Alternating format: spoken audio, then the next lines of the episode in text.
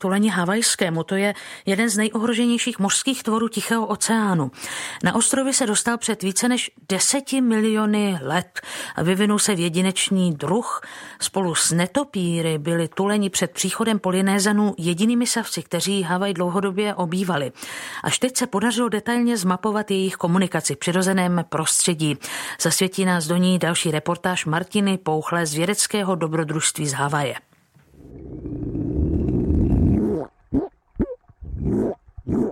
Tyto kuriózní zvuky zaznamenal podvodní mikrofon američanky Kirby Pernell. Svou vědeckou kariéru se rozhodla věnovat tuleňům a jejich komunikaci. Poté, co rok zaznamenávala dorozumívání jedince chovaného lidmi, přesunula se do Havajského institutu mořské biologie, aby zaznamenala vokalizaci zvířete v jeho přirozeném prostředí. A podařilo se. Savec, který tyto zvuky vydává, je tuleň rodu Neomonachus. Na hlavě má extrémně krátkou srst, která připomíná hladce vyholené místo na temeni katolických kněží a tím se pravděpodobně inspiroval anglický název tvora Monk Seal. Mnichy tito tuleni vzdáleně připomínají i tím, že na rozdíl od většiny jiných druhů žijí samotářsky. Známé jsou tři druhy zastupující rod Neomonachus a velmi blízce příbuzný rod Monachus. Vysvětlujeme ve své laboratoři Kirby. Tady na Havaji máme tuleně havajské. Ve Středomoří se vyskytují středomořští tuleni, kteří jsou kriticky ohrožení. Jejich posledních 6 až 700 jedinců. Karibský tuleň vyhnul v minulém století. Havajští tuleni jsou jediným druhem tuleně, který žije v tropech a díky tomu je jim doslova do zpěvu. Samice jiných tuleňů rodí jen v nejteplejší části roku, během které mají jejich mláďata nejvyšší pravděpodobnost přežít. Samice havajských tuleňů to ale dělají během celého roku a podobně během celého roku vokalizují, což ukazují i dřívější nahrávky jedinců držených v zajetí.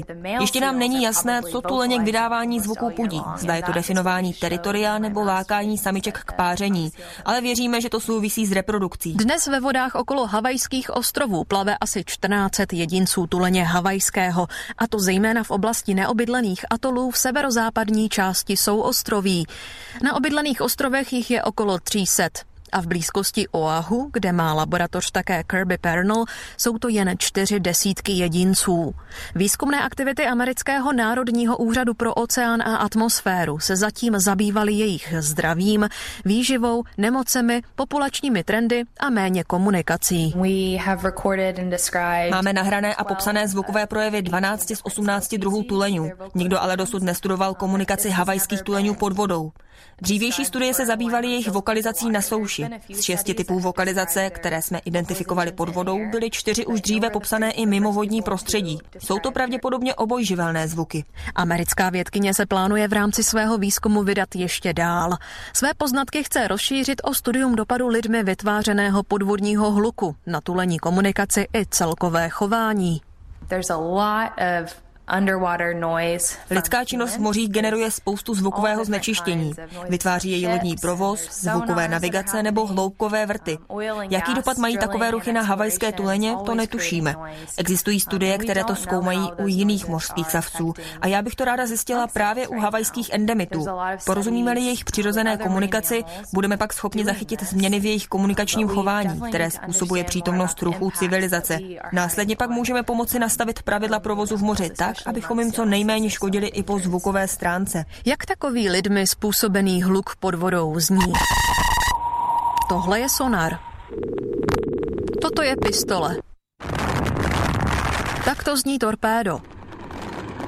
A takhle loď. Téma přitahuje pozornost mnoha vědců i neziskových organizací. Například OSN ve spolupráci s Mezinárodním svazem ochrany přírody má ambice skrze různé závazky výrazně snížit dopady zvukového znečištění oceánu už do roku 2025.